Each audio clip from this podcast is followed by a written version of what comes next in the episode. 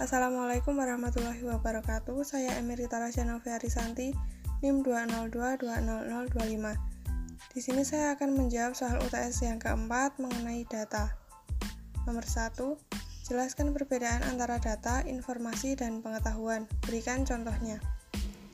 Data adalah sesuatu yang belum mempunyai arti bagi penerimanya dan masih memerlukan adanya suatu pengolahan.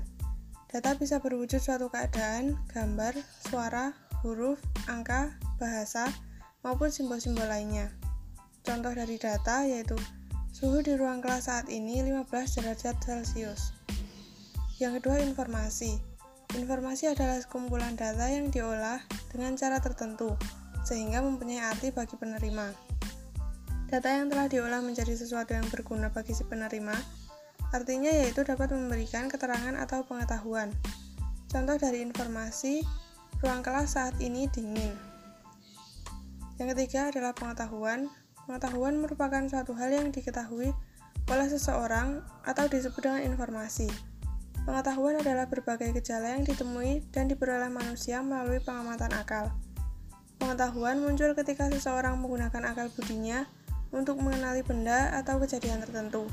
Contoh dari pengetahuan, misalnya, Mahasiswa yang kedinginan sebaiknya memakai jaket. Nomor 2. Apa yang dimaksud dengan database? Bagaimana tahapan-tahapan membuat database? Berikan contohnya. Database atau basis data dapat diartikan sebagai kumpulan data yang disimpan secara sistematis di dalam komputer yang dapat diolah atau dimanipulasi menggunakan perangkat lunak software atau aplikasi untuk menghasilkan informasi. Pendefinisian basis data meliputi spesifikasi berupa tipe data, struktur data, dan juga batasan-batasan pada data yang kemudian disimpan. Proses perancangan database terdiri dari enam tahap. Tahap pertama, pengumpulan data dan analisis. Tahap kedua, perancangan database secara konseptual. Tahap ketiga, pemilihan DBMS. Tahap keempat, perancangan database secara logika atau data model mapping. Tahapan kelima, perancangan database secara fisik. Tahapan keenam atau yang terakhir, yaitu implementasi sistem database. Contoh dari database yaitu Oracle, MySQL, Microsoft SQL Server, Progress SQL, MongoDB, IBM DB2, Elasticsearch, dan Redis. Nomor 3. Apa perbedaan antara spreadsheet dan database? Perbedaan yang paling jelas antara spreadsheet dan database adalah cara pengorganisasian data. Jika datanya relatif datar, maka spreadsheet sempurna. Spreadsheet dimaksudkan untuk menangani banyak jenis data yang sama, memetakan kemajuan beberapa poin kunci. Sedangkan database memiliki struktur data relasional. Database memiliki banyak jenis data yang berbeda yang semuanya memiliki beberapa hubungan dengan data lain dalam basis data.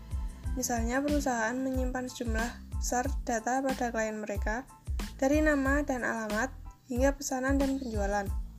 Jika pengguna mencoba meletakkan ribuan baris ke dalam spreadsheet, kemungkinan besar itu harus dipindahkan ke database.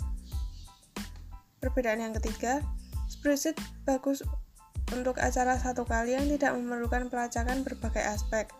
Untuk proyek yang membutuhkan satu atau dua grafik atau tabel untuk presentasi sebelum diarsipkan, spreadsheet adalah cara terbaik untuk melakukannya. Sedangkan basis data untuk proyek yang lebih lama di mana data kemungkinan akan digunakan berulang kali. Jika diperlukan catatan dan komentar, data harus dipindahkan ke dalam basis data. Spreadsheet tidak dirancang untuk meletak, melacak detail, hanya beberapa poin numerik utama saja. Perbedaan yang terakhir, jika sebuah proyek mengharuskan sebuah jumlah besar pengguna untuk dapat memperbarui data dan membuat perubahan, ini tidak boleh dilakukan dalam spreadsheet. Jauh lebih sulit untuk mempertahankan kontrol konfigurasi yang tepat dengan spreadsheet. Jika hanya ada beberapa pengguna dalam memperbarui data, umumnya antara 3 dan 6. Spreadsheet harus memadai walaupun untuk membuat aturan sebelum bergerak maju dengannya. Jika semua peserta dalam suatu proyek atau seluruh departemen perlu melakukan perubahan, database adalah pilihan yang terbaik.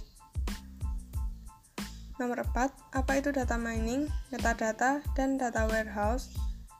Data mining adalah proses menganalisis data untuk menemukan tren, pola, dan asosiasi yang sebelumnya tidak diketahui dan menarik untuk membuat keputusan. Umumnya, penambangan data dilakukan melalui cara otomatis terhadap kumpulan data yang sangat besar, seperti gudang data.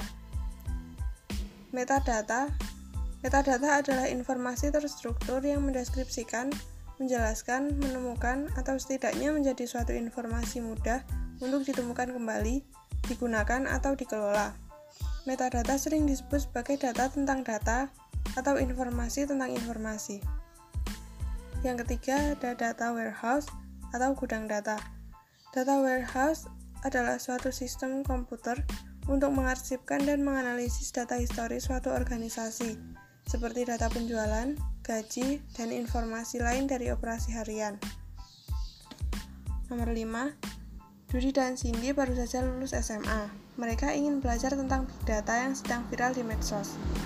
Dapatkah kamu memberikan gambaran penjelasan tentang big data? Big data Big data adalah himpunan data yang sangat besar yang tidak mampu diolah oleh sistem, komputer, dan perangkat lunak konvensional dan memiliki karakteristik tertentu. Karakteristik dari big data yang pertama yaitu volume. Dalam big data, volume atau ukuran data yang dihasilkan sangat besar. Karakteristik yang kedua adalah variety atau varietas. Data yang dihasilkan terdiri dari berbagai jenis, seperti teks, foto, video, dan lain-lain. Karakteristik yang ketiga ada velocity. Data yang telah dihasilkan harus dapat dianalisa dengan cepat untuk menghasilkan informasi.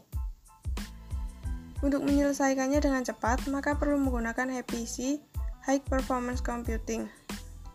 High Performance Computing adalah sistem komputer yang dibangun agar mampu menyelesaikan beban komputasi tersebut. Sistem HPC terdiri dari ribuan CPU core yang saling terkoneksi untuk menyelesaikan suatu komputasi. Sekian dari saya, terima kasih. Wassalamualaikum warahmatullahi wabarakatuh.